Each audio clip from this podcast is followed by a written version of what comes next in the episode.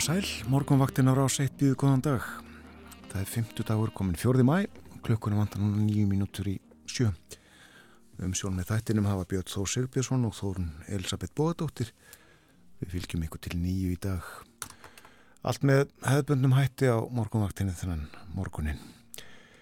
Og við hugum að veðrinu það hefur hlínaðins á landinu frá því í gerðmorgun, komnar rauðar tölur þar sem voru bláar í gerð, bláttmerkir, frost, rautt hitti og þetta á einhverjum viðum landi norðanvert. Byrjum hins vegar í höfuborginni fjórastega hitti Reykjavík og uh, hægur vindur fjóri metrar norðaustan og lítilsáttar súld það er ringt svolítið í nót. Þrjárgráður á Kvanneri, fjórastega hitti í stikisólmi skíja þar, tveir metrar, fimmstega hitti á Patrísfyrði og fjóra gráður í Bólingavík, hægur vindur báðum þessum stöðum, þrjár gráður og logg á Holmavík, fjóra stega hitti á Blönduósi og þryggja stega hitti á Söðanisvita, Akureyri, Húsavík og Rövarhöfn og logg á sögum þessara staða, annar staðar lötur hægur vindur, hitti reyndar við frostmarkið á skjaltingstöðum þeir standa hátt en fjórastega hitti á eilstöðum skíjað 6 metrar suðvestan. Og uh, veðurátjónastöðun á höfni Hortnafyrði er komin í lag tengingarnar. Í lægi fjórastega hitti á höfni Hortnafyrði klukkan 6 5 metrar norð vestan andaði af vatnajökli. Fjórastega hitti á kvískerum 6 metrar þar. Og enn fjóra gráður á klöstri, kirkjubæða klöstri 8 metrar Kvast á Stórhauða, stormur, austan 20, 26 metrar í mestu kviðu, fjórastega hitti og fimmstega hitti í Árnesi, frost á Hálendinu, eh, kaldast á Sandbúðum, þryggjastega frost þar. Og spáinn Þórun. Já, það spáir áframhaldandi austlæri átt í dag, 3-10 metrar á sekundu en 10-15 síðist, alveg eins og í gerð. Allvíða bjartviðri en skíjað og væta með köplum á sunnanverðurlandinu í dag og talsverðrykninga á Suðausturlandi kvöld sem staðar smá væta fyrir norðan. Mingandi úrkoma svo sunnan til þeirra líður á morgundaginn en annars svipað viður áfram og hitin 6 til 13 stig að deginum. Og það er mitt sagt frá því í hugleggingum veðurfræðings að það er komið mildara loft að landinu. Þá förum við að sjá hitatölur skrýða yfir tólfstígin nánast daglega, segir í hjóliðingunum. Já. Fyrir um nánar eða það er kannski á eftir. Akkurat. og engin uh, sérstök tíðandi að vegunum, segir. Það viðhaldu auðvitað. Svipað og í gær og tilkynningar sem við mögum búist við því að verði áfram já, þessar tilkynningar eitthvað áfram og svo nýjar tilkynningar um, um viðhaldsvinnu, það er sá tími ársins. Um, en engar sérstakar tilkynningar um, um lokanir eða neitt slíkt. Nei. Og allt svona með kyrrum kjörum sínust okkur eftir nóttina vitum allavega en ekki annað. En uh, tal og tónlist á morgunvaktinni þennan morgunin eins og vanalega og uh, við setjum hér fyrsta lag þáttarins þennan morgunin á fónin og uh, það er uh, svolítið stuðið þessu en þægilegt stuð viljum við minna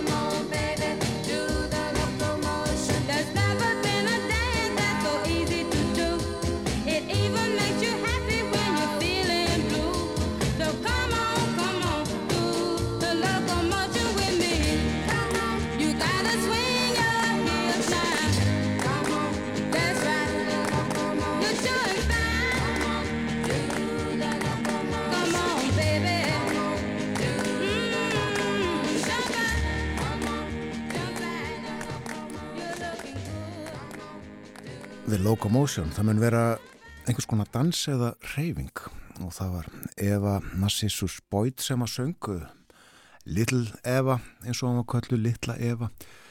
Hún söng þetta lag inn á hljónblötu Kornung en uh, hún var barnapíja hjá höfundunum, hjónunum Carl King og Jerry Goffin þau sömdu þetta upphaflega fyrir aðra söngonu sem að svo hafði ekki áhuga á að syngja þetta og þá fenguðu efurlittlu til verksins og hún sló í gegn. Eva lest 2003 Heyrum uh, annar lag eftir þau uh, Carl King og Jerry Goffin hér á eftir. En það stýttist í fréttinnar koma á slæginu sjöns og alltaf. Og við förum ítalega yfir dagskrá þáttarins eftir fréttinnar en nefnum hér að við munum fjallasvöldið um Evrópuráðið, eh, söguðess hlutverk starfsemi á og eh, fund leðtoga aðeldaríkja Evrópuráðsinn sem hann framfer í Reykjavík núna um eh, miðjan mánuðin. Svo ætlum við líka að tala um íslenskuna sem að sem við vilja meina að þeir vökað verjast, vilja meina að ennskan sæki að tungumálunu.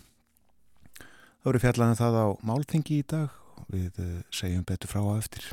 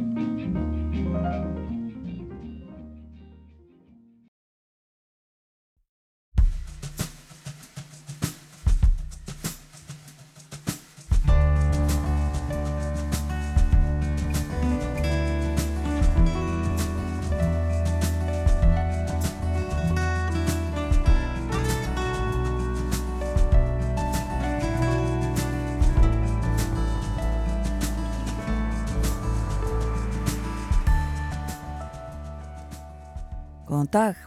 Morgunvaktin heilsar 5. daginn 4. mæ. Umsjón hafa Björn Þór Sigbjörnsson og Þórun Elisabeth Bóðadóttir. Það stýttist í fund leðtoga aðaldaríkja Európuráðsins í Reykjavík. Hann fer fram 16. og 17. mæ. Undibúningur hefur staðið lengi, öryggisgæsla og enga þóttur hafa ratað í fréttinnar en stóra málið eru þetta pólitíkin, það sem rætt verður og ákveðið á fundinum. Rósa Björk Brynjólfsdóttir vinnur að þeim málum í fósættisráðunettinu og hún kemur til okkar eftir morgun breytnar klukkan átta og segir okkur frá intaki Reykjavíkur fundarins. En áður, upp úr halv átta, þá rifum við upp sögu og hlutverk Evrópuráðsins. Við endurleikum hér viðtal úr morgunvaktinni frá því í mars, viðtal við Kára Holmar Ragnarsson, lektor við lagadeildina í Háskóla Íslands. Og svo fjallum við um ennskuna sem að sömum þykir fyrirferðamikil, jafnvel full fyrirferðamikil í íslensku samfélagi.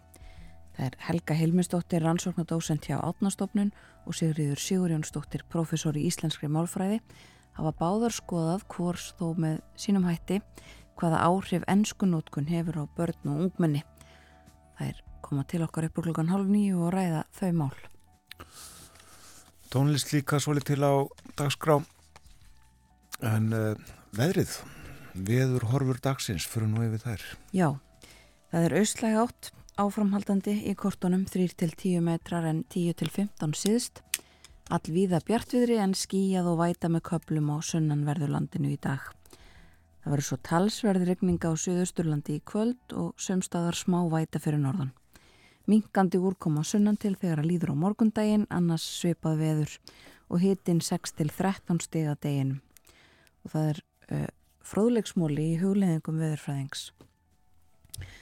Og segir að nú er komið mildar á loftaðlandinu og þá förum við að sjá hitatölur skrýða yfir 12 stíin nánast daglega. Engum hljemegin fjalla og þar sem lítil eða engin úrkoma er. En þegar að vindáttir austlæg eða suðaustlæg þá er Versturland oft sálandsluti sem hefur vinningin hvað hitatölur varðar Verði vindátt hins vegar suðlægari er það Norðurland en í norðaustanátt er suðvestur hortnið oftast með hæstu hittatölunar. Almennt eru næturfrost fátíðar í söðaustanáttum þar sem loftmassin yfir landinu er fremur hlýr. Fróðlegsmúli dagsins var á Viðurstofu Íslands. Og Viðurstofan, skilaði ger eh, skýslu við tíðafarið í nýlega liðnum aprilmánuði og uh, þar segir tíðafar var hagstætt í april, mánuðurinn hægviðra samur og hlýr á öllu landinu. Það kólnaði þó talsvert síðustu vikuna. Og meðalhiti í Reykjavík nokkuð yfir meðaltali síðustu ára, ára töga.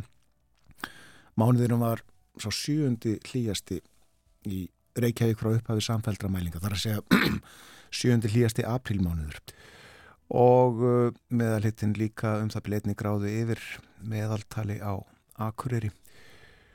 En uh, meðalhitin á Akureyri 4,2 stygg meðal hitin í Stikisólmi 4 stygg og á höfni hotnafyrði 4,4 stygg 5,3 stygg hins vegar í Reykjavík og uh, mánaðar úrkoma í Reykjavík uh, mældist uh, talsvert yfir meðalægi en uh, á uh, Akureyri þá var með úrkoman undir meðaltali og Svo segir, í Reykjavík var jörð alkvít einn morgun mánadarins.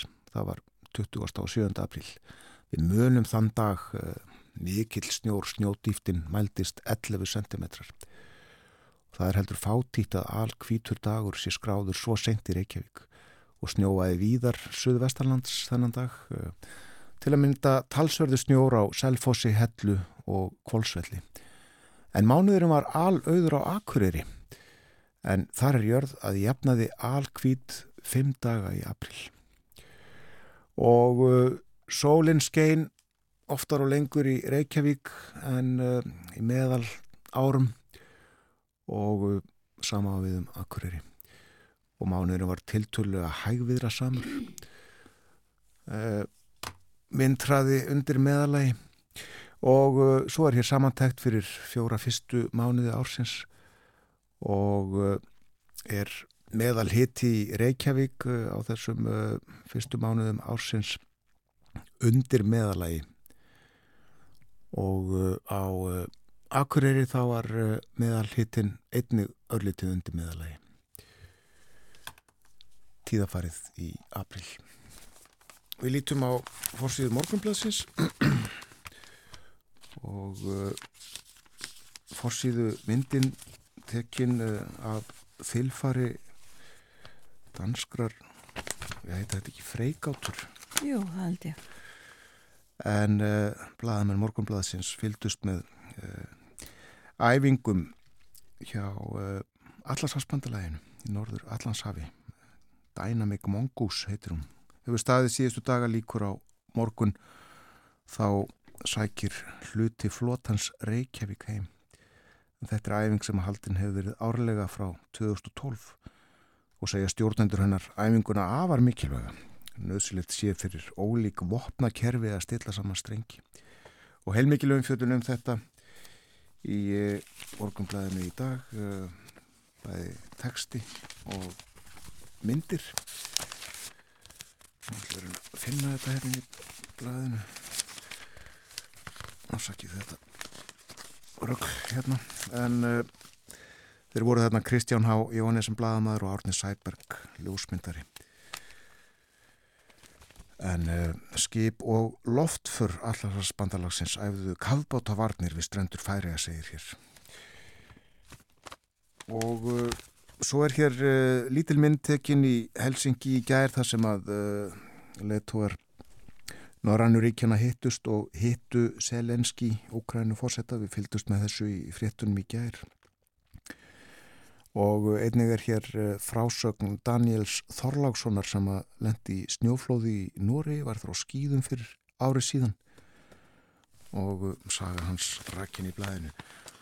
Og hér er líka frétt af fuglum en uh, það hefur orðið vart við færri gæsir uh, vart, vart við að færri gæsir hafi lagt leið sína til landsins í vor heldur en í venjulega árferði.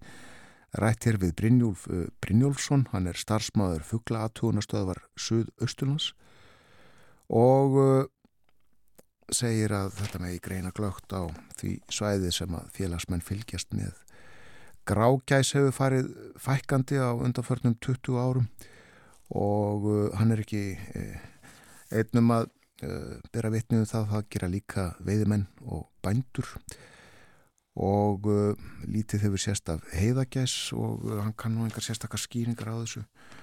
Og það er líka fjallað hérna um helsingja en um, þeir eru færri helsingjarnir sem að koma til landsins núna en um, gert hafa áður en fugglaflensa hefur leikið helsingjarna grátt mikið að fuggli hefur drepist eftir vetradöl á skorskum og ískum eigum fjallaði þetta í morgunblæðinu í dag. Og uh, þá til heimþúrun Já, uh, við heyrðum tölverðast af ferðum Selenski í Úkræna fórseta í fréttunum hér áðan og nefndum þetta auðvitað þessa mynd á fórsvið morgunblæsins hann var í með uh, leðtúum Norðurlandana í gær og í dag þá er hann komin til Hollands.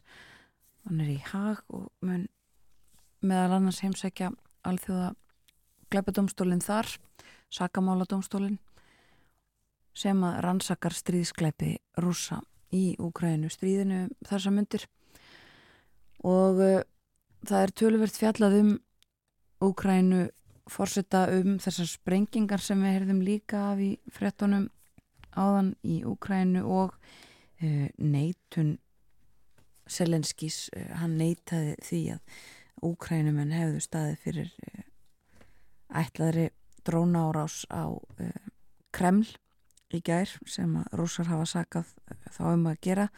Rússar stöðuðu og sprengdu tvo dróna. Um, í gær og saka úgrænumennum að hafa ætlað að reyna að ráða Pútín af dögum. Þessu hafnar Selenski og úgrænumenn og uh, hafa sagt að þetta sé afsökun og þetta hafi verið búið til uh, af rúsum sjálfum uh, til þess að búa til afsökun fyrir því að, ráðast með enn ja, enn frekar á Úkrænum en uh, fara í enn skeiðari árásir heldur en hinga til. En ímsir uh, sérfræðingar kallaði til í erlendum fjölmjölum til þess að meta þetta hvort að líklegt sé og rúsar hafi gert þetta sjálfur sumir sérfræðingar vilja meina það með því hafi verið hægt að koma svona stríðinu fyrir sjónir almennings í Rúslandi og réttleita ymsar gjörðir í Úkrænu og uh, það sé einhvern veginn svona mjög ólíklegt að tveir drónar hafi komist alla þessa leið, hafi náða að vera á sveimi þarna yfir þessum gríðar miklu uh, byggingum. Um, öryggiskerfi bara hefðu aldrei hleyft þeim í gegn. Eh, þetta hafi verið svona mikið sjónarspil það sé ekki tilvilin að þessu hafi allir verið náð á myndbönd og svona mjög sínilegt á meðan aðrir sérfræðingar eh, vilja að meina það að eh, þetta væri ekki gáfulegur gjörningur af hálfu rúsa vegna þess að þetta ef að rússar væru að búa þetta til þá vekur það upp með spurningar um öryggi Pútins, hversu vel er hans gætt í raun og veru. Og það verðist alltaf vera að hans sé gætt alveg afskaplega vel. En allavega enginn sem hefur tekið ábyrð á, á þessu máli við færum okkur frá Úkrænu, það er fjallega um það í fjölmörgum erlendum fjölmjölum í dag. Uh, nýtt liv við Alzheimer. Og þetta er ekki sama liv og við höfum fengið fréttir af undanfarið. Þetta er annað lifið, annað lifið á innan við ári sem að, uh, hefur verið sínt fram á með rannsóknum að hægi á framgangi Alzheimer sjúkdómsins. Uh, sagt frá því að hann sagt, þessar tilraunir hafi sínt fram á að hægist á framgangnum um þriðjung. Þetta lif heitir Donanemab og hægir á hjá þeim sem eru með svona fyrstu enkenni sjúkdómsins. Virkar þannig á svipaðan hátt og lekanemab sem að var í fréttum fyrir skömmu. Uh, en enga síður uh, töluverðar áhyggjur af því kannski að, að, að uh, það voru einhverjar aukaverkanir. Það hefur valdið uh, bólgum í heila hjá einhverjum en flestir þá hefur það ekki tekið eftir því. En uh, það hefur orðið andlát þrýr í, sem að tóku þátt í þessari rannsók sem að letust af völdum völdum þess. En tala við sem sagt vísindamenn sem að segja við séum við eh, heimurinn sem sagt sé eh, alveg á brúninni, á brún þess að eh, breyta Alzheimer sjúkdómnum. Það verði ekki lengur þannig að það sé bara hægt að veita stöðning og svona uh, líknandi meðferðir í rauninni við framgangi hans heldur verði þannig að það verði hægt að grýpa inn í, að hæja á og uh, viðhalda þannig fólki mun lengur. Lóksins, segðu þið, lengi verið beðið eftir þessu. Já, og, og eins og nefndir hér að þá er þetta eitthvað sem að virtist algjörlega ómögulegt fyrir bara skömmu síðan. En um þetta er fjallað í, í fjölmörgum erlendum fjölmjölum. Ég ætla að nefna líka hérna uh, breskublöðin sem að eru þetta áfram uh, það er fjallað mikið um þetta þessi Alzheimer lif en líka talaðum uh, kríningu konungs, kríningu Karls og það að þetta verður uh, þarna verður stærsti svona öryggis viðburður nokkur tíma, það verða fleiri lauruglumenn þarna á sveimi heldur en síðasta svona stóra viðburði í Lundunum þegar að útför drottningar fór fram í september síðaslinum að verða 11.500 lauruglumenn og 11.000 herrmenn sem að verða þarna e, um helgina. Og lauruglan hefur tekið fram og, og e, varað við því að það verði grepið mjög snemma og harkalega inni sem sagt ef að fólk verðist vera eitthvað e, líklegt til þess að gera eitthvað af sér þá verður bara grepið inni og það strax. En það verður ekki hægt að stöðva mótmæli nema þau verði eitthvað ofbeldisfullu. Fólki er auðvitað full frjálst að mótmæli því það eru áformuð uh, mótmæli líðveldi sinna sem að segja Karl ekki sinn konung en líka töluverð gaggrinni í sömum þessara blada vegna þess að lauröglan ætlar að nota svona andlits greiningu í fyrsta sinn. Það verður myndavilar og, og, og e, búnaður sem að greinir andlit og þannig á að reyna pikka úr svona e, fólk sem er eins og það er orðað e, þekkt fyrir að vera til vandræða og sömulegðis svona hættulegra fólk e, eins og ætla það hriðverka menn og fleiri slíka. Þetta er tölverst til umfyllunar í, í breskublöðunum í dag og við skulum segja að gott af erlendum frettum í byli en við verðum auðvitað með uh, hugan ég bæði hér heima en líka í Evrópu síðar í þættinum. Við ætlum að fjalla tölvert um uh, þennan fund sem að er hér í Reykjavík en mun uh, það verða nánast allir leðtóar Evrópuríkja hér á þessum fundi eftir 10-12 daga? Emmitt, fjöldun sérstaklega um fundin eftir morgunfréttunar klukkan 8 þegar Rósa Björg Brynjólfsdóttir kemur til okkar en uh, eh, forreitnast um uh, sögu, uh, hlutverk og starfsemi Európuráðsins rétt upp úr hálf 8 aðeins að fókbólta það var leikið í bestu deilt Karla í gær fóru fjóri leikið fram K.A. Sýraði F.H. Framvann Íbivaf H.K. lagði K.R. og Valur Sýraði Fylki og tveir leikir á dagskrá í kvöld, Stjarnan og Breðablík eigast við og Vikingur og Keflavík. Og það er eitt leikur uh, á dagskrá bestu deildar Kvenna í kvöld. Sælfoss og Þróttur eigast við á Sælfossi með sigri komast uh, þróttara stúlkur á toppdeildarinnar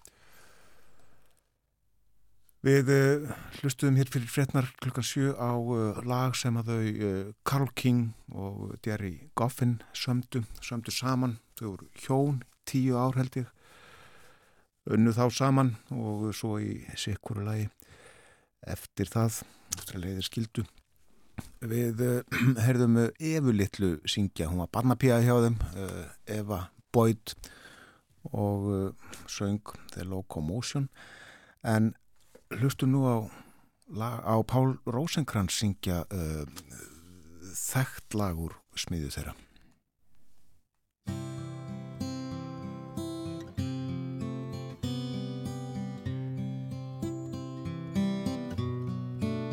When you're down and troubled and you need a helping hand and nothing oh nothing is going right close your eyes and think of me and soon I will be there to brighten up Oh, even your darkest night. You just call out my name, and you know wherever I am, I'll come running, yes, to see you again. Winter, spring, summer, or fall. All you gotta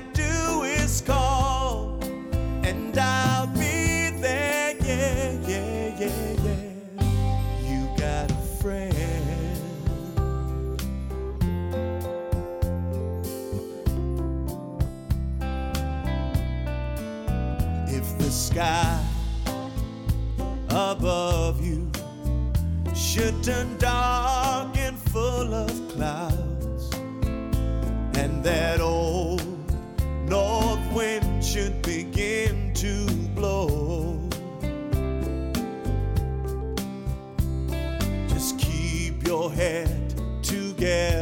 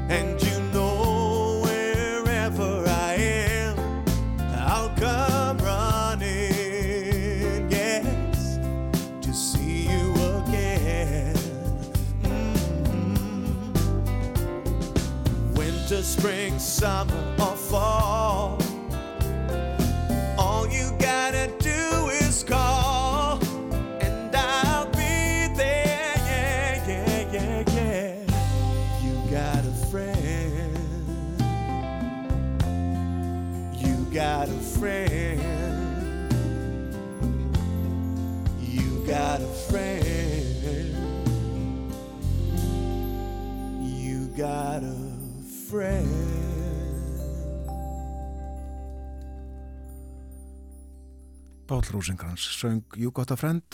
Ég fór mér fleipur hér áðan uh, þegar ég uh, saði að uh, Carl King og Jerry Goffin hefðu samið þetta.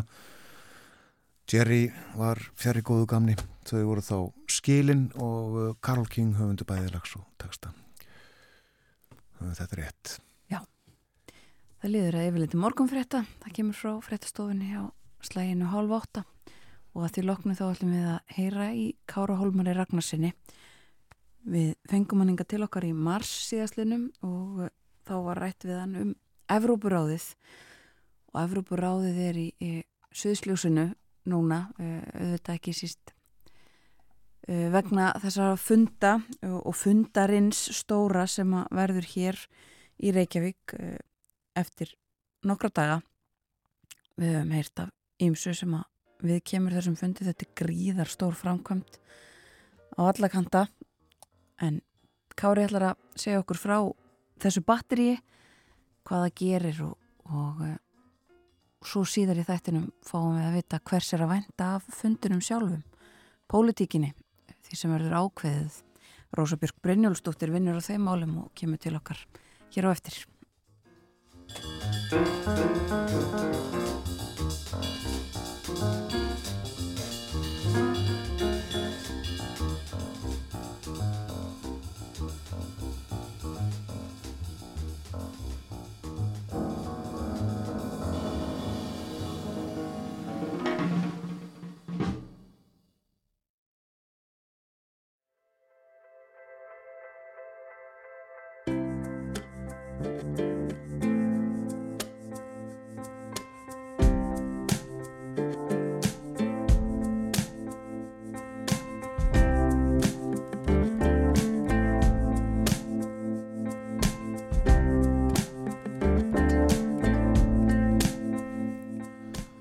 Sæl aftur þegar það hlusta á morgunvaktina á Rás 1. Það er 50 dagur í dag. Fjórði mæ og uh, klukkan réttliðlega halv átta. Og ágætis veður á landinu skíjað í það sínist mér en uh, hittast í kannski 3, 4, 5 gráður eitthvað svoleiðis og uh, hitti mun skrýða upp eftir því sem líður á morgun. Já, e, fer í 10 gráður samkvæmt spákortinu e, í Reykjavík og á Akureyri setnipartin í dag. En það verður annars austlæg átt, þokkalega hægur vindur viðast hvar 10-15 metrar síðst á landinu. Og allvíða verður bjart en skíjað og væta á með köplum á sunnanverður landinu og talsverðregning á söðusturlandi í kvöld. Sumstaðar smá væta fyrir norðan. Þannig að það er nú smá væta í kortunum frekar víða um land en það er svo minkandi úrkoma þegar líður á morgundaginn en annars svipað viður áfram og hitin 6-13 stig að deginu. Um helgina sínist okkur svipað viður að ráfram þessar austlegar áttir eins langt og spáin nær á miðugudagi næstu viku líka útlet fyrir hæga austlega átt. Þetta verður svipað nema eitthvað mikið breytist. Við fjöldum um uh, Íslandsk mál hér í þættinu milli hálf nýju og nýju og uh, svona veltum fyrir okkur hvernig henni hefur reytt af íslenskunni og uh, hvernig henni munir reyða af með þannan gerst ennskuna hér í samfélaginu. Helga Hilmisdóttir, rannsóknardósent hjá Árnastofnun og Sigriður Sigurjónsdóttir, professor í íslenskri málfræði koma til okkar. En það líður að fundi leðtoga ríkja Európaráðsins í Reykjavík. Hann fer fram dagana 16. og 17. mæ, hefst eftir 12 daga. Ísland hefur farið með formensku í Európaráðinu síðan í november. Formenskan kvílir á herðum utanríkisráþara. Það eru utanríkisráþarar aðeldaríkjana sem eru tengiliðir ríkistjórna í Európaráðinu eða svo maður segja og svo sérstakar nefndir þjóðfingana. Það stóð til að utanríkisráþararnir hittust hér í Reykjavík nú í mæ en því var breytt. Það var ákveðið að leðtóarnir, fósætisráþararnir kemur saman til fundar.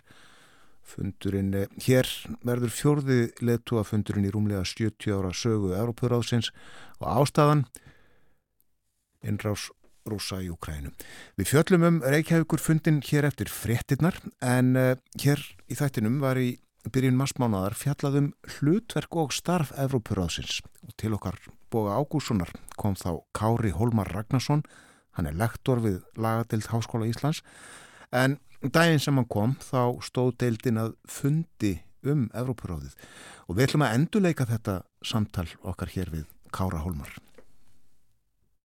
Hvað er Evrópuráðið? Ég er ekki vissum að allir viti þetta og eigilega vissum að tiltúrlega fáir viti það einmitt og það er góður tímapunktur að aðeins að kynna sér þetta hérna sem mikilvæg og, og merkilega stofnun e, á þessum tímapunkti e, Evrópuráðið er, er sem stopnað e, eftir setni heimstyrlutana 49 og er einn af þessum þessum, þessum stóðum í þessu Evrópus samstarfi sem að myndast þá og við þekkjum vel í dag.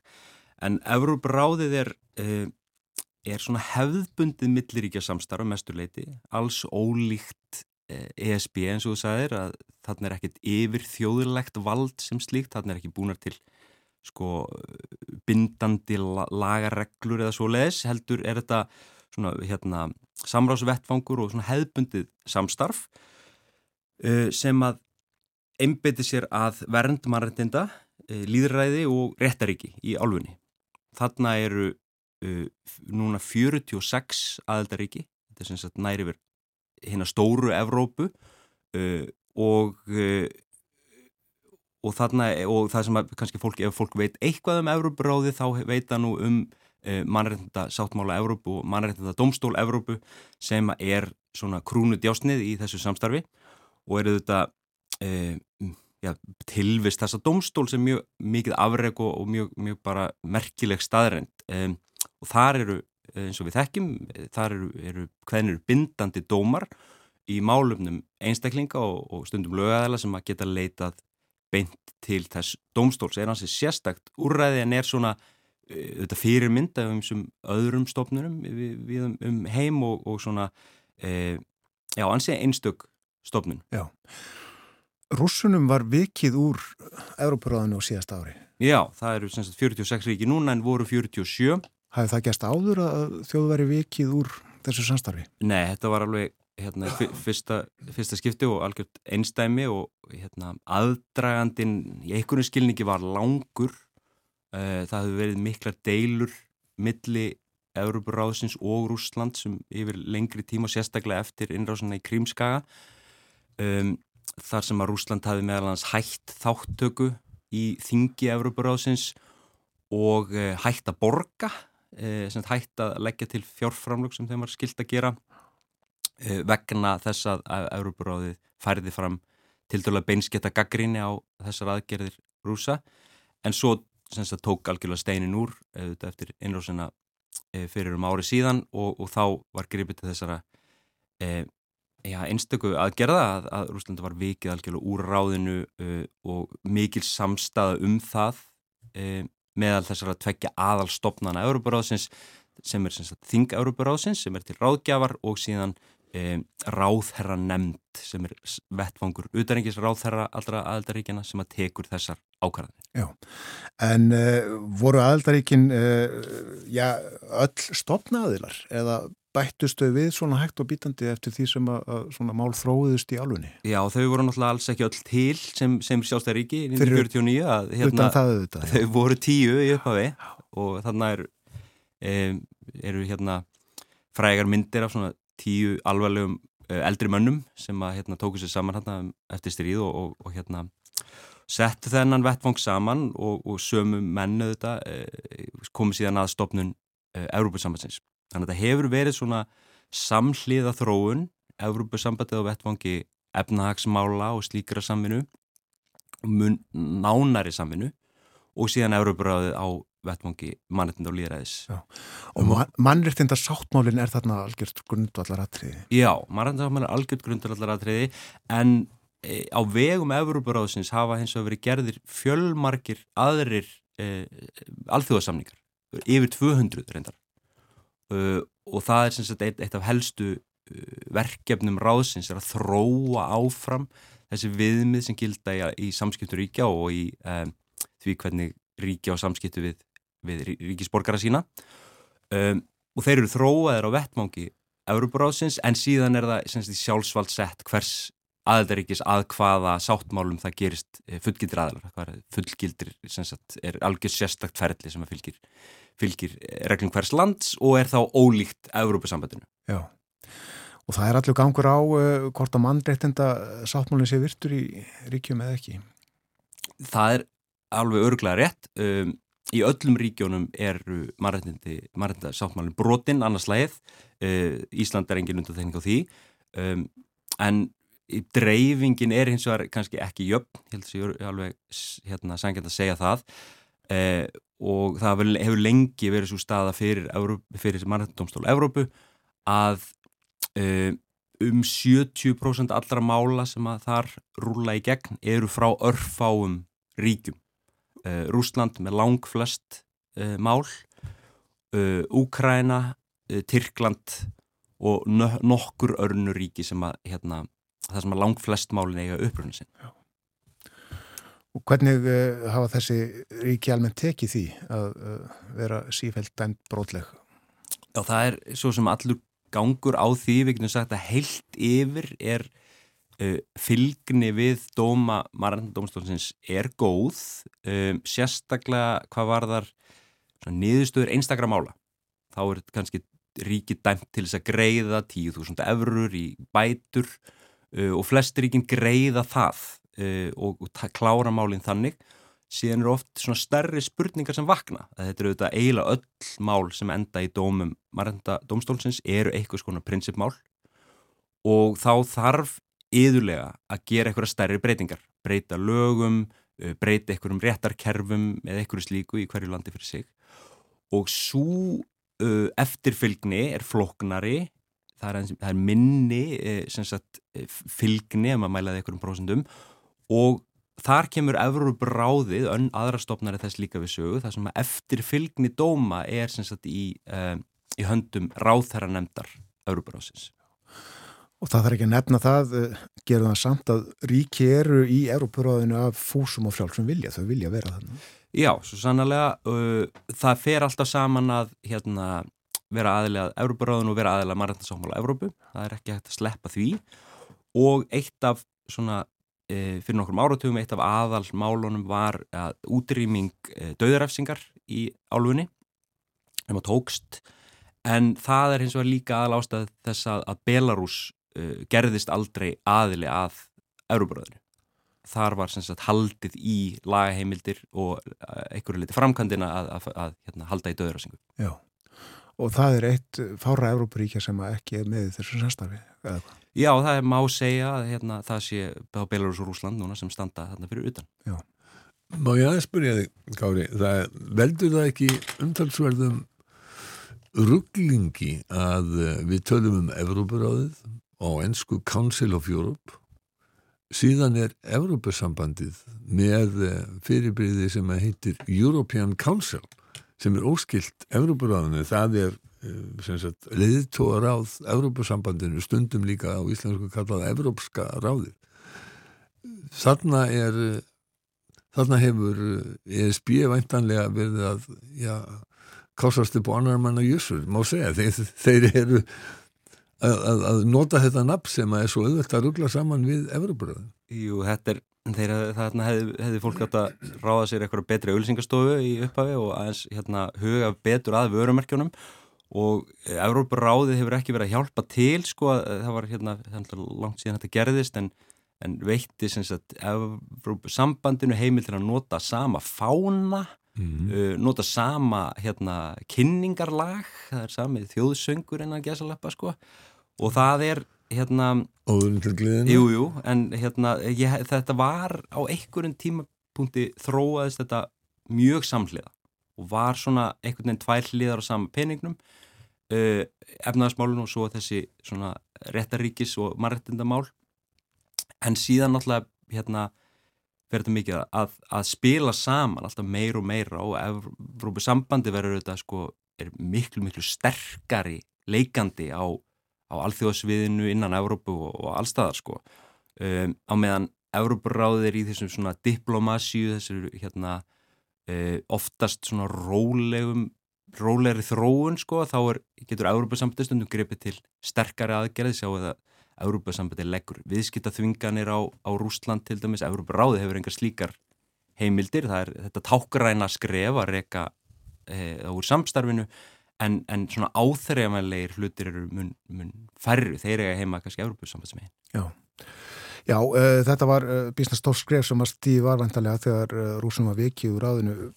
Rúsar eru enþá í saminuðu þjóðan til dæmis og sitja þar enþá í öryggisræðinu með sitt neitunavald.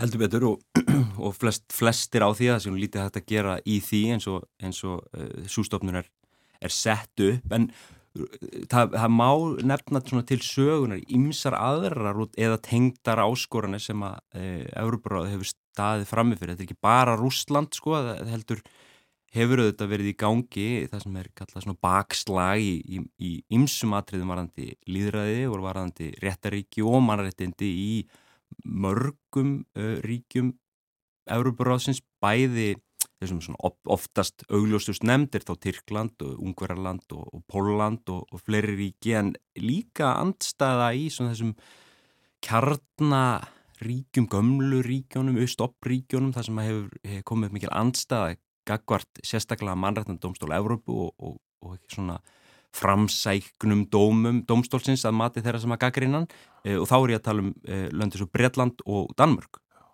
og það sem að e, já, hefur og, og upp frá því spratt svona já, ákveðina alltaf e, endurbótum var, var það kallað og er kallað innan Európaráðsins það sem að e, allavega sumir í því ferli voru svona reyna að koma e, stinga marrættindómstólum aftur ón í kassan og aðeins að, að passa að hérna, það myndi ekki, ekki ganga jafn langt eins og fólki þótt hann hafa gengið. Já. Þetta eh, var líka aðeins nefnt hér í, í, í tegnslu við landsréttamálið. Jú, heldur betur og, og fengum e, snefil af þeirri gaggrinn hún hefur verið langvarandi, sérstaklega í Breitlandi e, og að hluta til í Danmark og, og hérna, orðið svona einn partur af e, þessari, þessari umræðum um populisma og, og þessi, þessi líðræðislegu þróun um og það var lengi talað um sko The Other Brexit sem var sem sagt, eh, verkefni sem var og einhverju liti er aftur í gangi að, að hugsa um útgöngu Breitlands úr mannættisamlega Európu.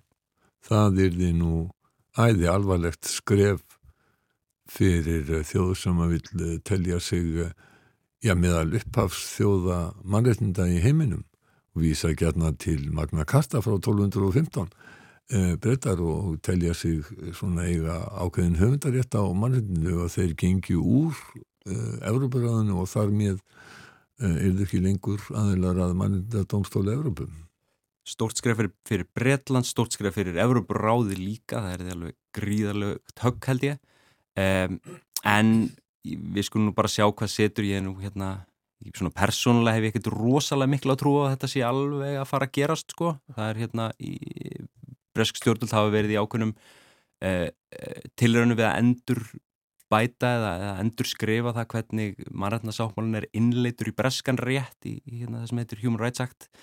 Um, og það hefur svona gengið upp og ofan en, en þetta getur pólitíkin breyst ef að til dæmis um, e, já, stærsta máli Breitlandi sem er í gangi núna eru hérna Eh, varðar móttöku á, á eh, umsækjandum um alþjóðlega vernd og hvort að megi senda þá og geima þá í e, Rúanda. Og það er mál sem er í gangi og verður frólægt að fylgjast með. Mannrætnandómsandi stendur fram með fyrir sko risastórum málum. Nú á næstunni eru flutt nokkur mál sem varða mannrættenda skuldbindingar og loftlagsbreytingar það, sem, það er nú engin, engin smáatriði sem þar eru undir Uh, það, sem, það eru mál sem eru gegn sko 32 mismunandi ríkjum. Mikið lagt undir.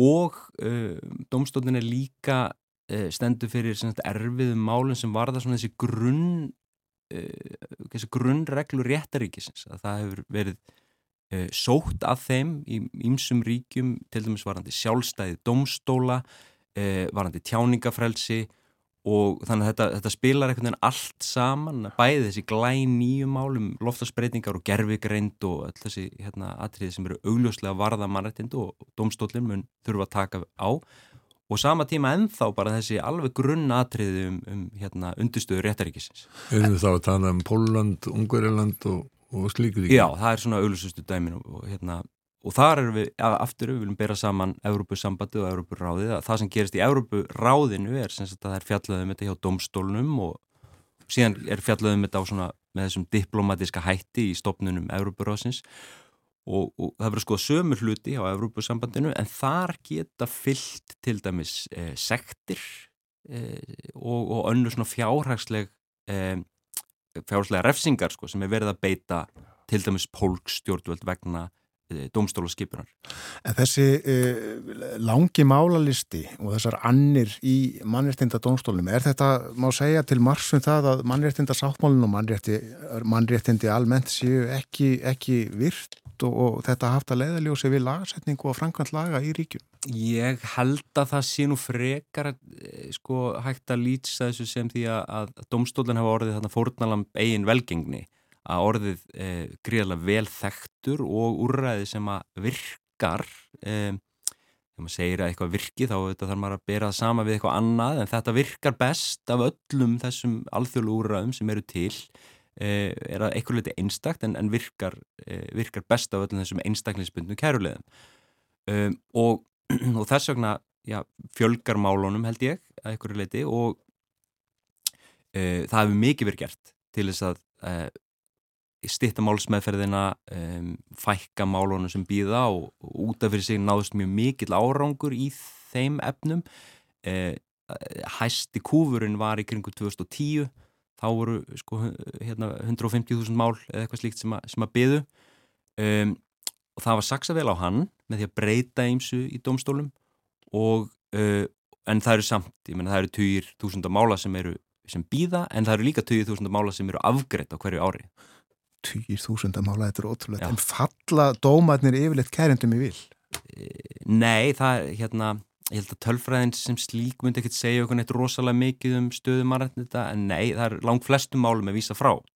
Það er svo við þessu Já, já, já, langt flestum uh, annað af ýmsum ástæðum, það eru hérna, formskilirði það eru efniskilirði og, og, og, svo leiðis um, og endanum það sem að kemst til e, þau mál sem eru ekki afgreitt með svona einfaldari málsmeðferð til dæmis að því að svipumál hafa komið upp áður, við vitum að þetta er brot eða við vitum að þetta er ekki brot um, og, og dómarnir eiginlega hver einasti dómur sem endar í efnistleiri meðferð er stórkoslega merkilegur og er alveg mm. hérna e, hægt að skrifa sko, reitgerðum hvern og eitt sko En það er réttskili hjá mér að það er ekki hægt að vísa máli til mannreitnita dómstóls Evrópu nema að þú hafi farið fyrir öll dómstig í þínu heimalandi.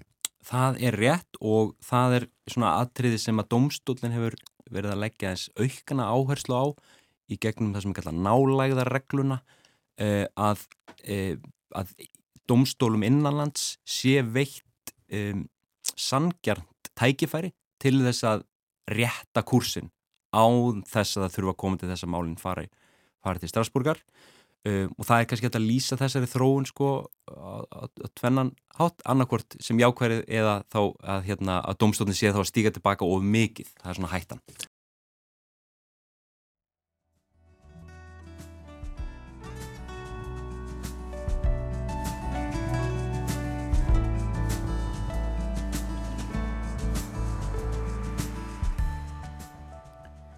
Kári Holmar Ragnarsson saði þarna frá Európuráðinu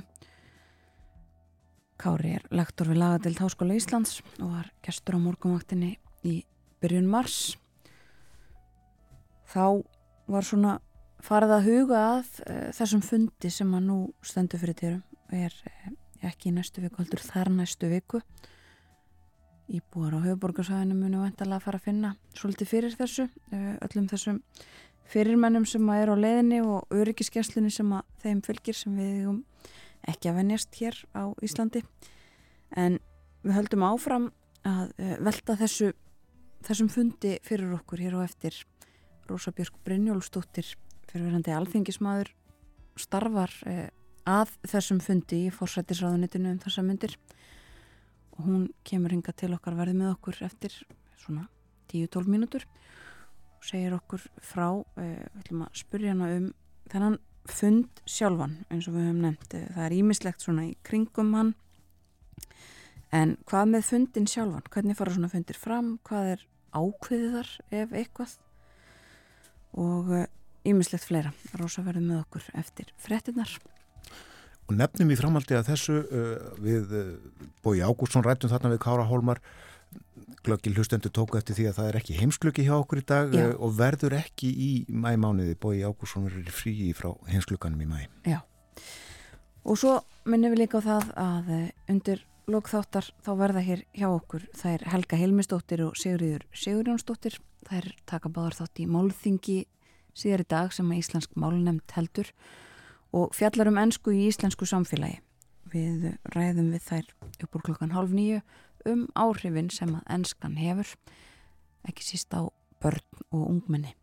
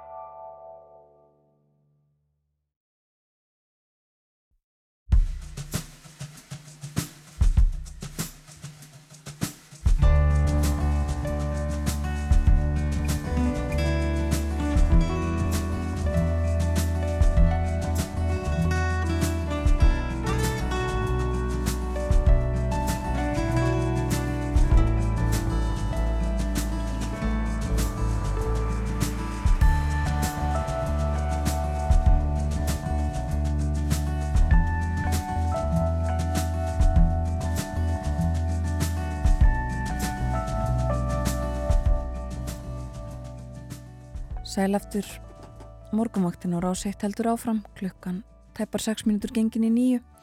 Það er 50 dagur í dag fjóruði mæ. Hér fyrir fréttinnar þá líkum við viðtal við Kára Holmar Ragnarsson um Evrópuráðið. Hann eh, var hér hjá okkur í vetur og talaði um Evrópuráðið, Evrópu uh, og svona stopnarnir sem að því tengjast. Við ætlum að fara aftur á þær slóðir eftir smá stund. Minnum þó fyrst á að hér á eftir ætlum að ræða um ennsku í íslensku samfélagi.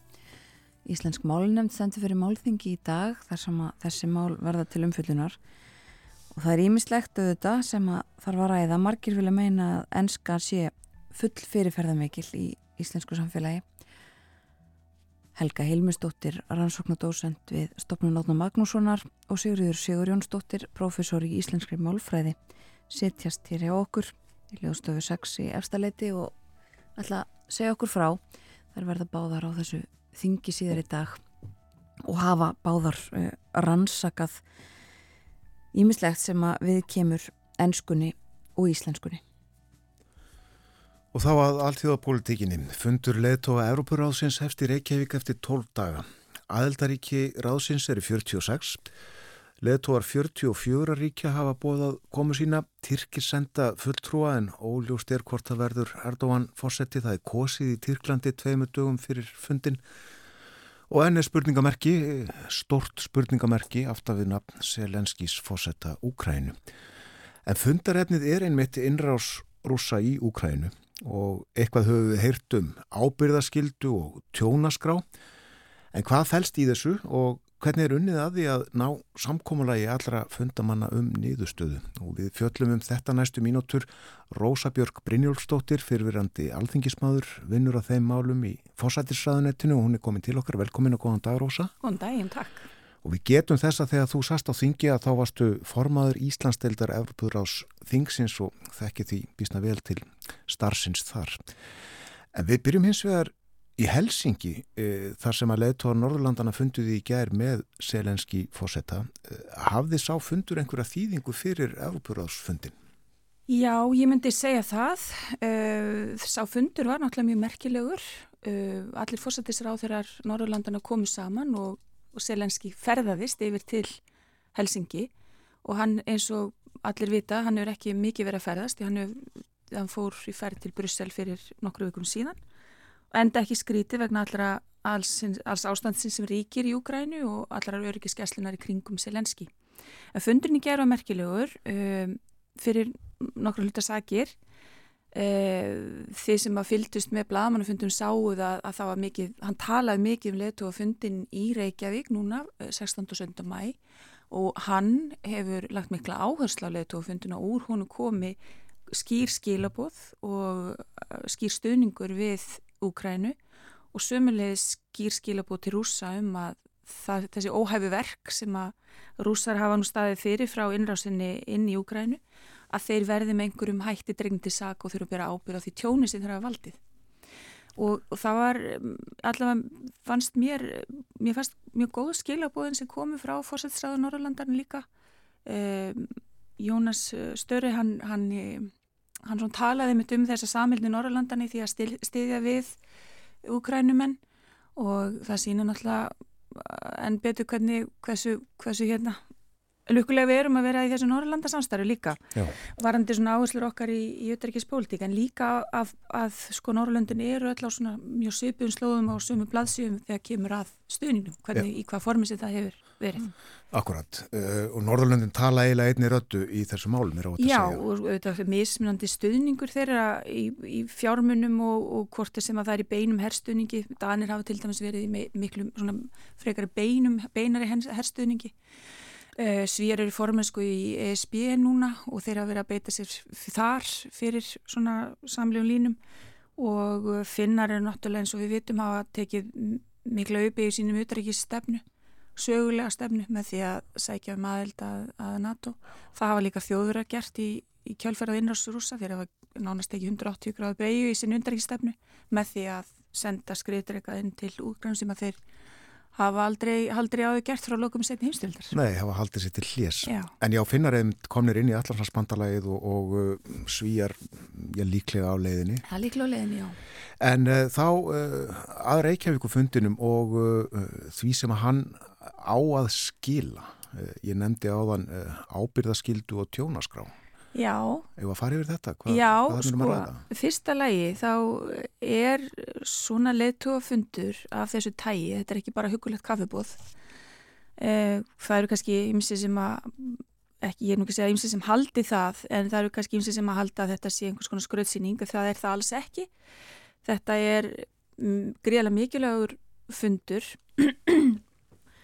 bæði náttúrulega í sögu Európur Rásins Þetta er í fjóraðskipti sem að leðtófundur hefur haldinn síðast fyrir 18 árum síðan.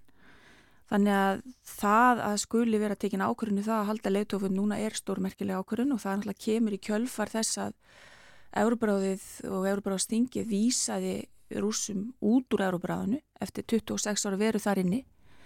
E, það er einn stærsta aðgerð sem að alþjóðstofnun hefur gert þar að segja að vísa þeim með þessum skýra hætti út úr ráðinu og uh, þegar að, ef ég má bara aðeins, að, þegar að hérna, rúsar innleimiðu krímska þá var náttúrulega, var þetta mjög til umræða að vísa þeim út úr ráðunni þá, en þeir eða sjálfur tók á skari áður en þeim erðir vísað út og, og stegu til líðar. En uh, síðan var ákveð 2019, nefnir þegar ég satt inn í, í Európarástinginu og þetta voru mikla verið aðrum það að, að fá það afturinn á borðinu og ekki síst vegna hagsmuna íbúa í Rúslandi til þess að geta leita réttarsins við mannreitnindóstól Európa eins og því voru að fjalla um hérna áðan sem er gríðarlega mikil réttar bót fyrir íbúa þess lands og ekki síðu kannski ríkjum þar sem við vitum að hafa átt sem mannreitnindabrót og það er líka kannski skænst frá því að segja að lengsti halit á mála við mannreitnindóstól Európu er frá Rúslandi og Tyrklandi. En því miður þá bara með þessari brotisum þá getur fólk íbúar Rúslands ekki gert það lengur. En þetta var mikið högg fyrir rúsa og uh, ástæðan fyrir því að leðtóri er að koma sama nú í Reykjavík er náttúrulega til þess að svona styrkja áfram haldandi stuðning við Úkrænu og með því að hafa unnið að því að koma þessari stjónaskrá að þá uh, eru, eru við að sína verki við sem búum í þessum aðeldaríkjum að okkur alvar með því að, að hérna koma þann inn með, með skýrastuðning. Og fælst í því bara að skrásetja uh, allt tjón sem að hefur orðið og mun verða af völdum innráðsröðunar, af völdum hernaðar? Já, það fælst í því að, að það verður þá farið að staða á hverju skráningaferli eh, til að skrá niður bara hérna, já, alltaf tjón sem að innráðsröðun hefur valdið. Við vitum náttúrulega, við sem hefur verið að sjá myndir frá Úkrænu að hafa heilu bæinir og borginu verið laðið rúst. Og það er greiðilega tjón fyrir Úkrænu sem fullaldar ríki, allir innviðir hafa verið lamaðir, við, hérna, hinsbygðin var með, nánast með hjarta í, í, í buksunum yfir sko, hótunum yfir varandi kjarnorkuver. Og svo framvegis það sem rúsa voru að hóta því að, að, hérna, að uh, ráðast á þau. Þannig að þetta skipti greiðlega miklu máli fyrir, fyrir hérna Úkrænu og sömulegis fordæmi og alþjóða vísu. Já. Þannig að hann verið komin ákveðin svona eitthvað verklaði því að draga ríki sem að fara að stað með þessum hætti til ábyrðar. Já, ábyrðarskilda er svo annað. Þetta var aðalega kannski tjónaskráðan. Hvað er ábyrðarskildan? Ábyrðarskildan er svona kannski almennari Já. heldur en tjónaskráðan ábyrra skilda náttúrulega það er þá frekar í því að, að, að negla niður hvaða er nákvæmlega sem að, sem að hérna rúsa byrja ábyrð á að hafa eðlagt sem inn í innviðum og mannverkjum og, mm -hmm. og svo framvegis inn í Úkrænu. Síðan eru við náttúrulega líka með merkilega álöktun Európarástíngsins það sem að komist var að því að sterkar, á 15 daginn síðast, að sterkar vísbendingar væru um að stríðskleipur hefur verið framdir í Úkrænu og það hafa líka verið umræður um það hvort að, að um, það ætti að stofna sér domstól, alþjóðdómstól varandi stríðskleipi rúsa í, í Úkrænu en niðurstaðan er að, að þróast í þá átt að það verið þá freka tekin í alþjóðdómstólinn í hag um, og, og nánast búin til svona sér, sér uh, undidelt domstólsins þar. Já. og það hefur verið til dæms luta því sem að aðeldaríkinn hafi verið að semja núna í, að, um, í aðdraðanda leitufundarins okay. hvort að þeir stofna hana sér dónstóli eða ekki og þar koma náttúrulega í missjóna með borðinu. Og Svelenski er í hag bara núna? Já, hann er núna. Já. Mér finnst það mitt verið að merkjum það að það er verið að, að hérna, er, það er ákveðin skilabóð til því á dónstólsins í hag Já, við höfum talað svolítið mikið um umfangið á, sko, í kringumfundin en uh, að fundurinn sjálfur, sko, umfangið uh, sem svona stendur eftir að honum loknum Eh, þetta er greinlega, það er verið að ræða þetta allt og það er svona svolítið ákveðið fyrirfram en fundurinn er svo þarna um meðanmánuðin um, stendur svo eftir um, álygtun í nokkrum liðum eða er þetta efnismikið skjál eða skjöl hvað Hvað stendur eftir eftir þessum þennan fund? Já, sko það sem að fastanemnd Íslands uh, og Íslands stjórnald ákvöðu þegar að uh, Ísland tók við formensku í Európaráðinu og það virka þannig að, að hvert aðeldar ekki teku við formensku í sex mánu í senn og því fylgir svolítið mikil áhrif og það er mikil tekið til til formensku ríkjana og þau hafa mikil áhrif að beita sér við fyrir ákveðnum málum og leggja ákveð mál á dasgrá og sömulegis hérna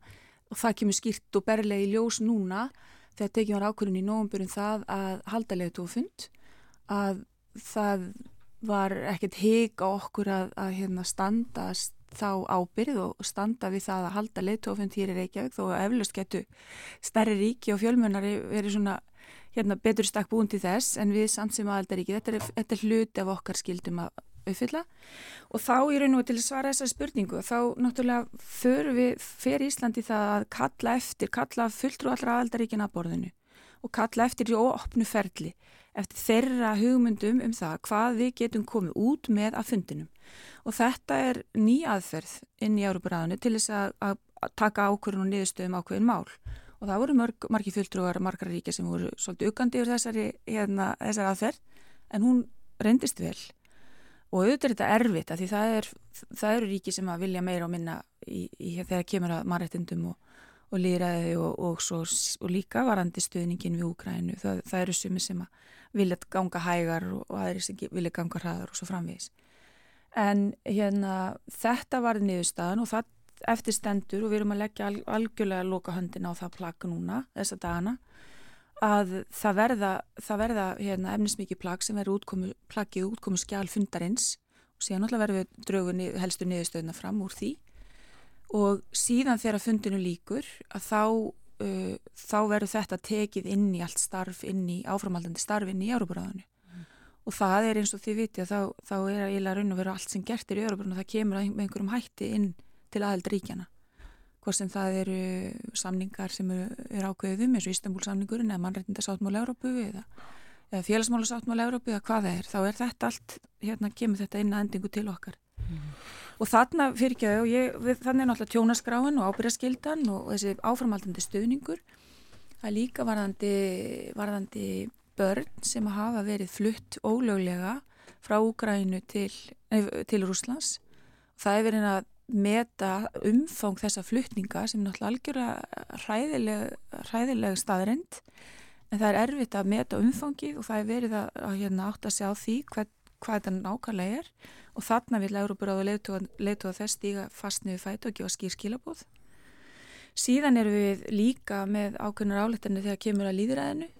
Við viljum, við vitum öll að það hefur orðið bakslægi líðræðismálum bara bæði Európu og, og Vesturlandum og viðar og það þarf að stíga fast niður fæti og, og hérna þar og þar kom ákveðnar, ákveðnar leiði til sem að vera kynntar á fundinum og svo líka það kemur að umhverjusmálunum og, og gerfugrind sem við höfum lagt að áslá sem forminskuríki. Það er mynd það. En við vitum það að, að sko það eru flokkar á öllu litrófi pólitíkurinnar við völdi í aðeldaríkjum Erubaráðsins og þeir hafa ólíka sögu og tengingar. Er sama eiginlega hvort fólk er til hægrið eða vinstri, jábel langt til hægrið og langt til vinstri í, í, í stjórnmálaskoðunum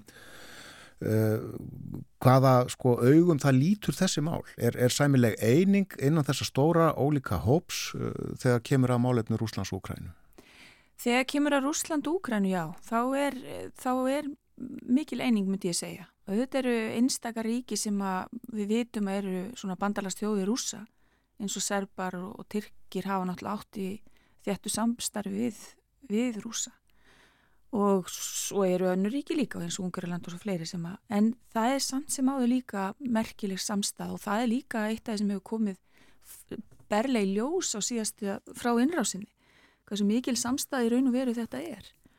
Uh, og í raun og veru hefur það þjappað bæði Európaríkjum og líka aðaldaríkjum Európarásin sem er náttúrulega öll ríki ESB pluss önnur að það er þjappað þeim saman í kringu þessi svona grunngildi. Já og Európaráði líka er, er mjög vel til þess fallin að þjapa fólki saman um mannrættindi og líraði og, og réttaríkið. Þannig að þetta er svona það sem að öll aðeldaríkin hafa með því að gera staðilar Európaráðinu þá náttúrulega undirgangast við þetta að, að hérna, þetta verði haft í heðri og þannig að þetta hefur verið svona leðaljósi í þessari samstöðu með aðgerðunum gagvart Úkræn, neður Rúsi.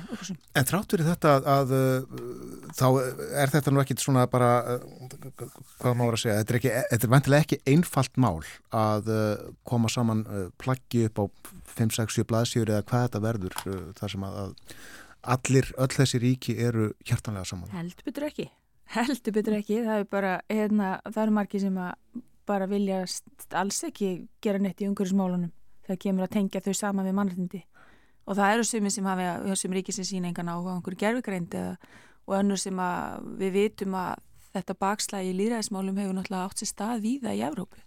Og það eru ríkið þar sérstaklega í Östur-Evrópu sem að hafa minni áhuga heldur en önnur á, á því að, að gera eitthvað skurk í því Veist, þannig að það eru áherslu, ríki, áherslu ríkjana sem að mm. koma berlega ljósi í svona samninga viðræðu. En um leið þá er líka með þessar aðferða þá líka verið að, að hérna, þá eiga þessi ríki hluteld í plagginu og þau ber ábyrða því líka. Þannig að þetta er svona partur af þessu svona alþjóðlegum samninga viðræðum líka. Verður þetta allt saman meira að minna klappað og klárt þegar leituðarnir koma hengað uh, að kvöldi mándagsins 15. mæ e eða uh, sko geta hluti breyst á fundunum sjálfum? Ég myndi segja að hérna, það verður mikið af áhugaveru fólki í bænum hér 15. til 17. mæ og það verður, ég myndi halda að það væri kannski örlíti rými til þess að, að hérna, taka til, til tillit til ef einhverja svona sterkar áherslu koma fram á leðtóafundinum. En við, við vitum það að bara þarna eru leðtóru að koma saman og þá er tækifæri til þess að sko hérna, eiga þessi samtölu maður og mann og, og hérna, tala um þessi atrið sem oft er hérna, svona, mér í fjalla þegar að vera að tala með milliliðum og svo framvís.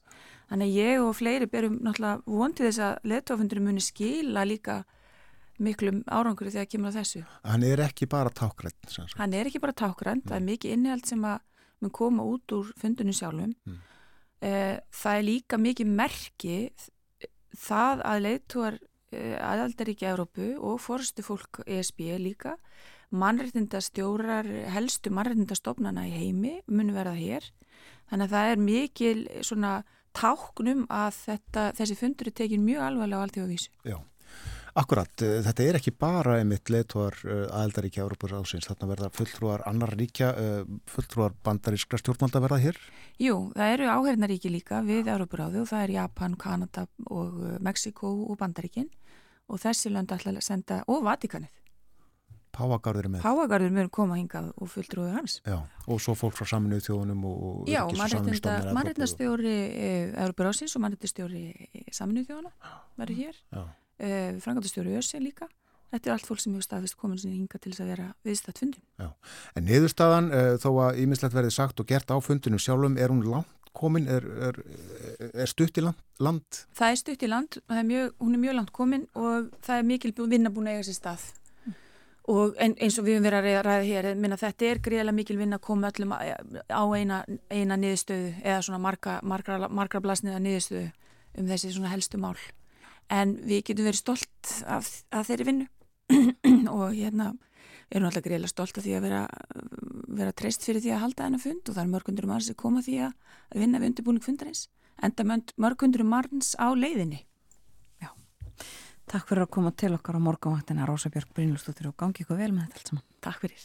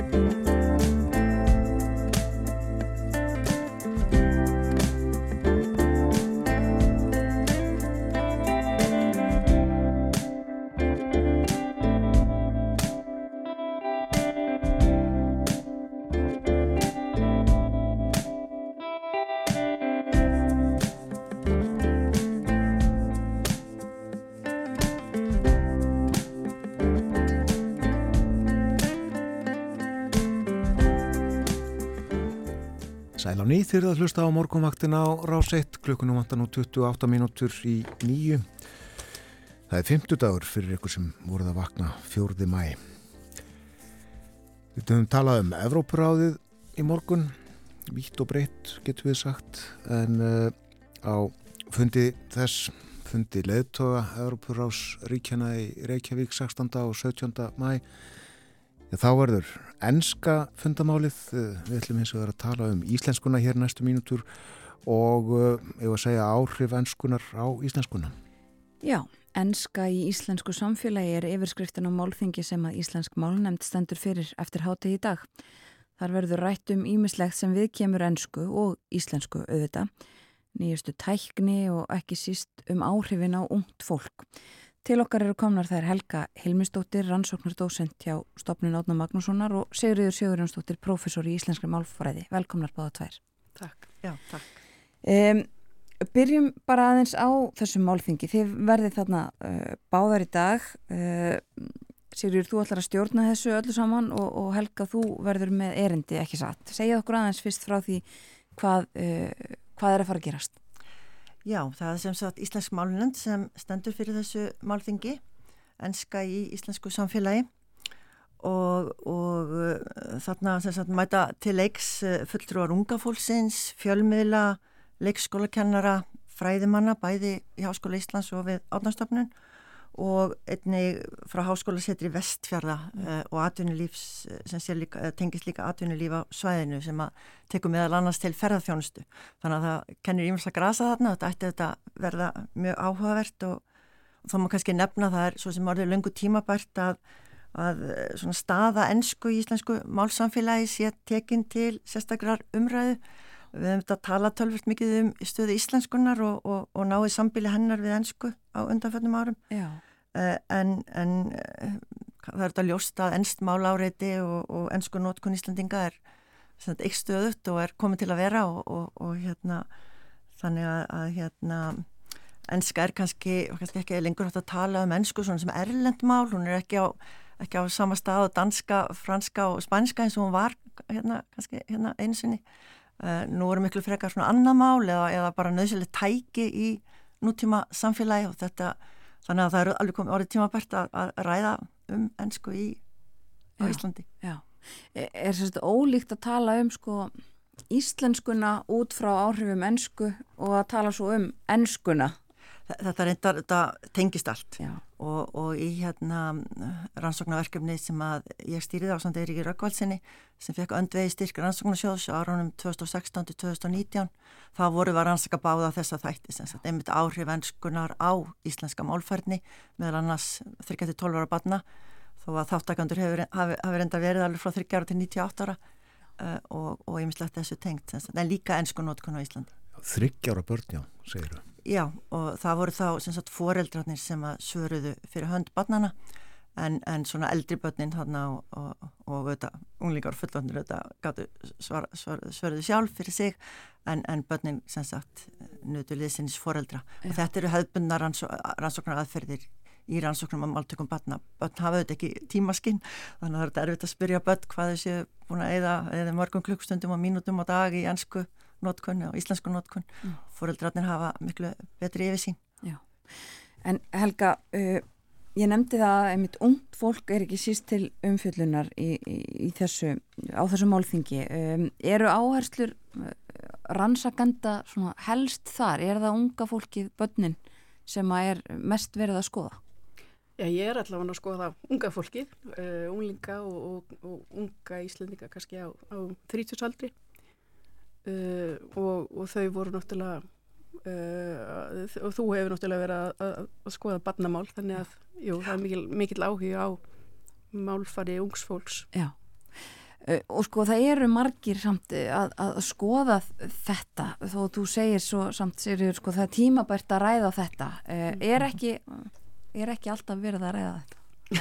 Eða er það bara svona afmarkaði hlutir og við þurfum að taka þetta saman í einhverju starra samhengi í dag? Þetta hefur auðvitað verið miklu meiri umræðinu undarfæri, svona undarfærin áratögu eða svo og þetta hafa orðið svo miklar sagt, samfélags- og tæknibreitninga bara undarförnum árum.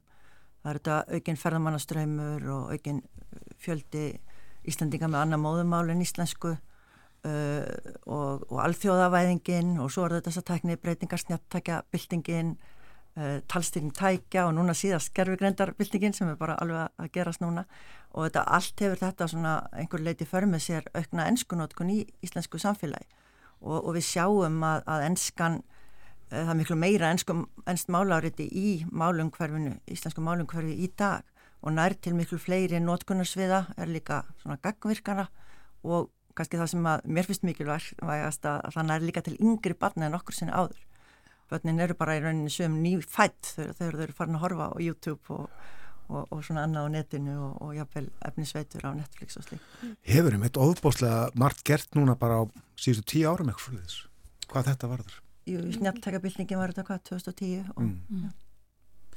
Og sko, einmitt, ef börn bara frá fæðingu nánast verða einmitt þá eh, heyra ennskuna eh, líka um, en sko, er það endilega slæmt? Nei, sjálfsögðu ekki, þetta er mjög gott að ennskufarni íslenskra batna aukist og, og við sjáum það í verkefninu, það er margt eitthvað niðurstöðu sem sagt að börn sem eru dvelja mikið í stafrænum ennsku málhemi þau ennskufarnið þeirra er betri en hinna, þau eru sagt með meiri ennskan orðaforða og betri í svona höfbundinu ennskri málfræði. Já. þannig að þetta er alveg að skila sér í bættri ennsku færni en, en auðvitað eru börn ungbötn og, og, og alveg og grunnskóla og fram á ólingsára á aðal máltökuskeiði. Við erum aldrei móttækilegri fyrir máli mannfólk en á þessum tíma. Þannig að ef við ætlum að koma íslenskunni inn þá er þetta árin. Þannig að leikskóla, leikskólinn er rosalega mikilvægur og, og, og fyrstu ár grunnskólan svo, og svo uppúr. Já, þannig að það er þetta að passa upp á íslenskunni. Það er ekki það að ennskan sé slæm eins og sér einmitt máltakan á sér stað þarna þannig að væntanlega er kannski bara ágætt líka að fá einn ennskuna en það er þetta að passa upp á íslenskuna uh, og, og vantar upp á þar. Já.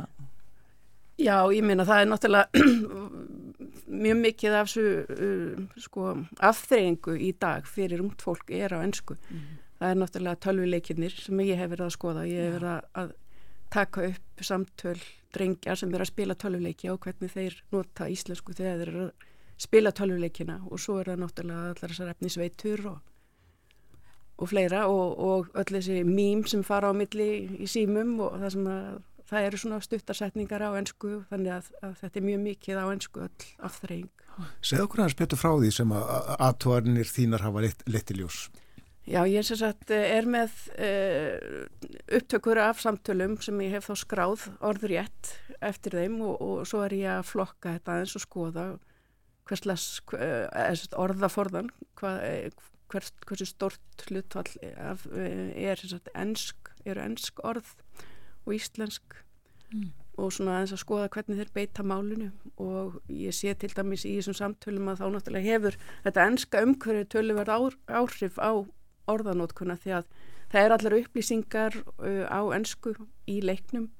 Og þeir eru að tala um þessar hluti sem er að gerist í leiknum og þá eru þeir til dæmis að velja fött á þess að kalla sína sem þeir eru að nota í leiknum og þá notaður orði eins og eins og hérna í staðin fyrir að segja e, rullukrabólur þá talaðu um að ég ætla að kaupa turtleneck á, á, á kallinn og, og, og, og svo er það, já ég kefti chain í gær, þess að keðju þannig að þeir eru að týna svona orð af skjánum og nota mikið þessi orð sem koma fyrir í leiknum mm.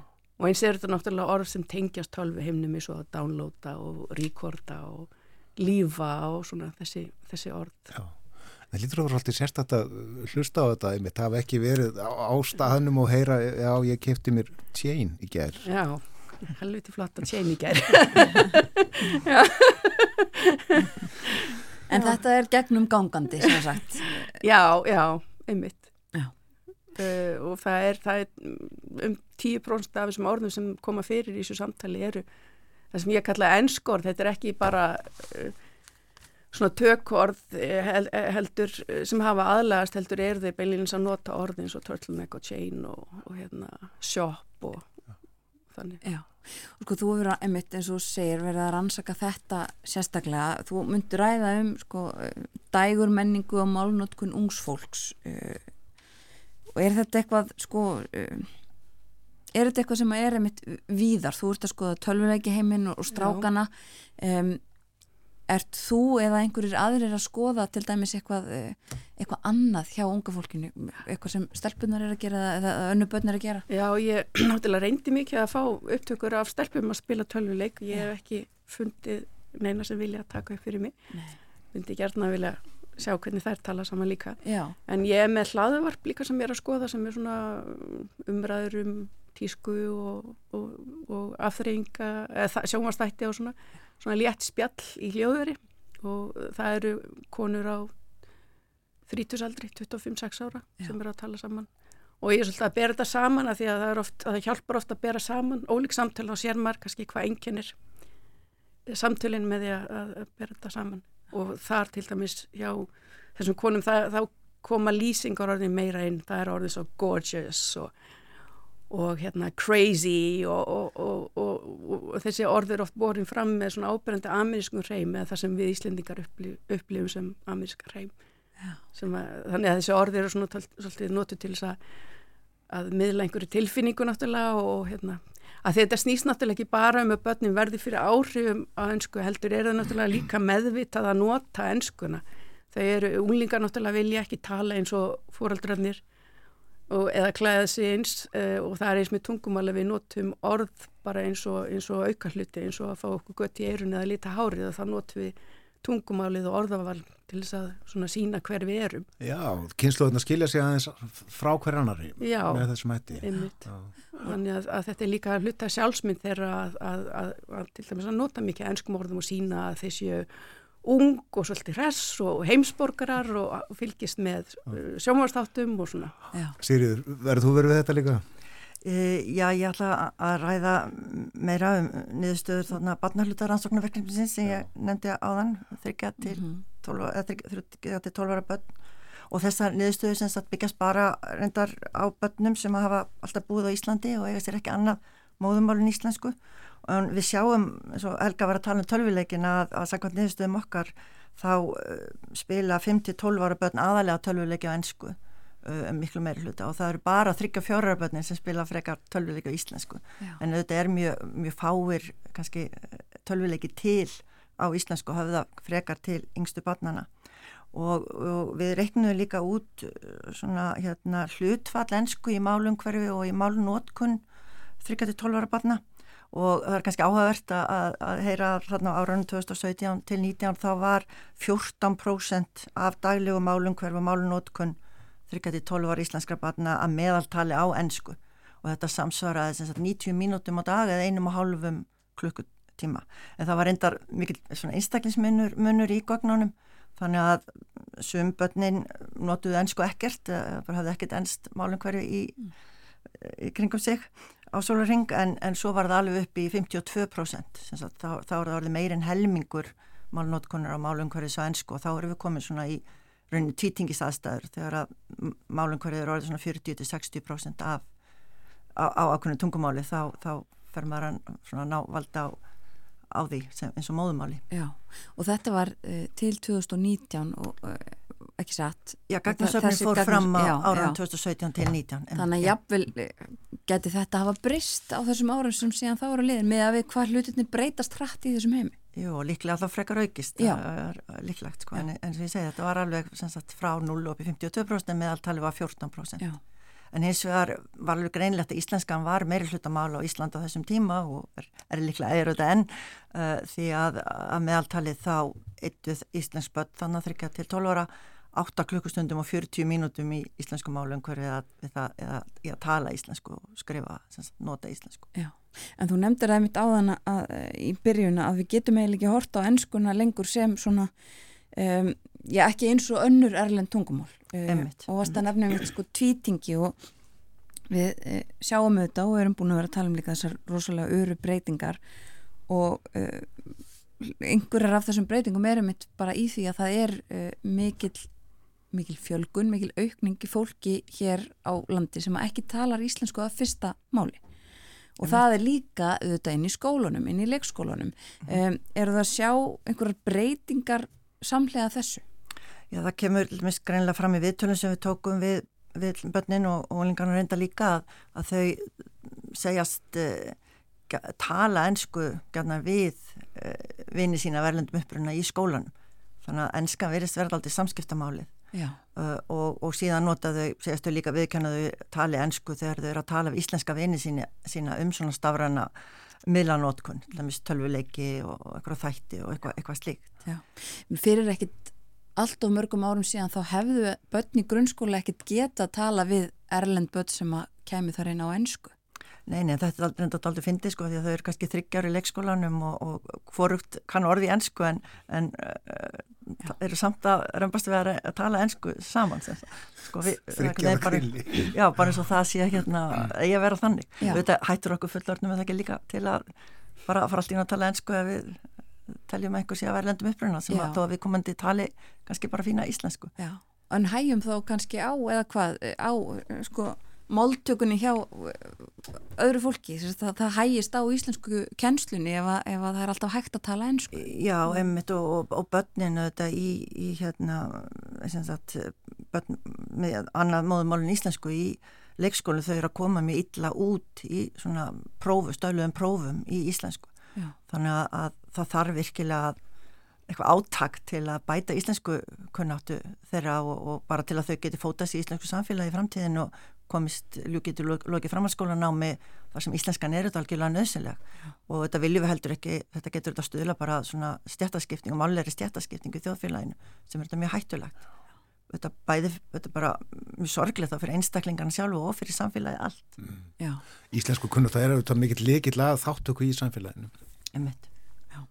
En já, uh, sko það var einmitt eina af spurningurum sem okkur langaði að spyrja ykkur að var þetta með bara allar þessar öru breytingar uh, og, og gerfugrendina og allt þetta sem við heyrum af hverjum degi finnst manni nánast en uh, höldum við í við þessar breytingar og þú varst að nefna þetta sér inn í skólakerfinu um, eigum við, uh, hvernig gengur okkur að, að takast á við þetta? Það þarf auðvitað einhverja stefnumótin í þessum málefnu held ég og, auðvitað í málefnu barna af erlendum upprunum það er alveg bara, mm. bara lífsnausilagt fyrir okkur og, fyrir þessi barn og eins og ég sagði fyrir samfélagi allt. Mm -hmm. um, og, og hérna auðvitað gerist þetta allt svo rætt maður heyrir mér að segja að það ekki að takna risatni sjálfur get ekki haldið í við þetta og, mm, og hérna, já. Það vantar líka bara kennslefni fyrir þessa, þessa krakka. Já. Það þarf að gera mikið, mikið áttak í þessu. Já Ég veit Helga að þú skoða sko úlingamál í alþjóðlegu samhengi líka. Mm. Um, getum við borðið okkur eitthvað saman við önnu ríki hvað þetta varðar? Já, já, þetta er náttúrulega sko, sama umræði á sér staði víða. Já. Ég bjónu lengi í Finnlandi og, sem er tvítingt land svo sem líka en þar er líka ennskan komin mjög sterkinn og, og hérna Ég veit að, að vinni mínir þar kvartanda því að það get ekki farið eh, nýri bæ lengur á þess að panta sér kaffi og ennsku þannig að, -hmm. að, að þetta er orðið víða sko í, í svona þjónstustörfum að þessi uh, tungumál eins og já, finska og, og svo íslenska hér á Íslandi að það er svo mikið að fólki sem kemur og vinnur í skamma tíma. Mm -hmm að, að þetta er allt komið yfir á ennsku og, og matselur og svona séu mikið á ennsku og þetta skiptir náttúrulega tölvist miklu máli að, að íslenskan sjáist allstaðar að það sé auðvitað er það skiljalegt að, að það sé ekki alltaf sko, að það séu stundum starfsmenn sem að kunni ekki e, íslensku að vinna en það þarf samt að vera einhver á staðnum sem að kann íslensku það það koma stundum náttúrulega viðskiptavinni sem að kunni ekki ennsku og ég hef alveg orðið vittnið af því að að fólk hefur ekki uh, geta að panta sér eitthvað eða átt erfitt með að panta sér þegar það tristir sér ekki til að tala ennsku Já, við þurfum líka að stuðla svona jákvæðan viðhorfum til allra, allra mála, til Já. íslenskunar þetta er mjög mikilvægt. Og við sjáum í verkefninu að, að ungt fólk hefur aðeins svona neikvæðri viðhorf til íslensku en eldra fólk og, og börnin. Þannig að, en, en þetta þarf bara að stuðla jákvæðan viðhorfum. Viðhorf eru rosalega mikilvæg í svona málsambilis aðstæðum eins og íslenskan er í núna mm. að, að við þurfum að gæta þess að hérna, byggja upp sjálfströst unglinga í íslensku og, og hérna þannig að það finnst ekki alltaf að þau séu miklu betri í ennsku heldur en íslensku sem eru þetta mm. ekki rétt og, og, og það er þetta reynda alltaf áhuga sem kemur fram í, í verkefninu að, að börnin, öll börnin í rauninni telja mjög mikilvægt að ganga í, í skóla og læra íslensku þó séu öll íslensk sjáðu af íslenskum uppruna uh, að þau þurfa að læra að tala og skrifa rétta íslensku, það sé rosalega mikilvægt til að komast áfram í lífinu. Mm. en börn sem eru mikið í svona ennskum stafrænum heimi þau hins vegar tellis ekki læra neina ennsku í skólanum, hann að læri þau bara í frístundum sínum í tölvuleikum og við afþreyingu. Mm. uh, þannig að hérna og þetta eru mjög skrítið, þetta eru börn sem eiga íslenska móðumáli og, og hérna kunnuðu þetta ekkit mál betur, betur en íslenskuna. Þannig að þetta efla sínilega íslenskunar, þetta er mjög mikilvægt og, og, og tryggja jákvæð viðþorfu og bara til allra mála, þetta líka til heimamála, tvítingdra og flertingdra barna og barna með íslensku sem annar mál. Það er rosalega mikilvægt verkefni. Já. Og Íslensk málnefndi þetta svona, stendur verðum þetta, íslenskuna og, og ekki sýst þetta að hún sé sínilega allstaðar og leira og það er, svo við komum aftur inn á það, þetta málþing sem að um, hefst klukkan eitt í dag enska í íslensku samfélagi e, þar sem að þessi mál verða til umfyllunar e, eh, þáka til klukkan fjögur held ég, er það ekki rétt hjá mér? Jú, erindin er frá eitt til eitthvað kortir yfir Já. þrjú. Og öllum velkomið að koma þarna og, og fylgjast með. Já, þetta er í sal þjóðminnarsapsins Kærar þakkir fyrir að koma til okkar á morgunvaktina Helga Helmistóttir og Sigurður Sigurjónsdóttir. Takk, takk fyrir okkur. Og það er eh, síðustu gestir morgumaktarinnar þennan morgunin, klukkan er alveg að verða nýju og komið að lokum hjá okkur. Já, við höfum rætt, jú, íslensku og ennsku, núna síðustu mínúturnar, þar á undan þá vorum við með hugan við Evrópuráðið, eh, viðfangsefni leðtúafundarins sem að verður hér eftir uh, tæpar tvær vikur og svo líka bara Evrópuráðið, hvað það er uh, og, og hvað það gerir. Kára Holmar Ragnarsson og Rósa Björk Brynjálfsdóttir viðmælendunir þar. En þessu loki hjá okkur í dag. Morgumvaktin verður á sínum stað í fyrramálið. Við bjóðum góðan dag þegar klukkuna vantar svona um það byrjt tíu mínútur í sjö. Verðið sæl og njótið dagsins.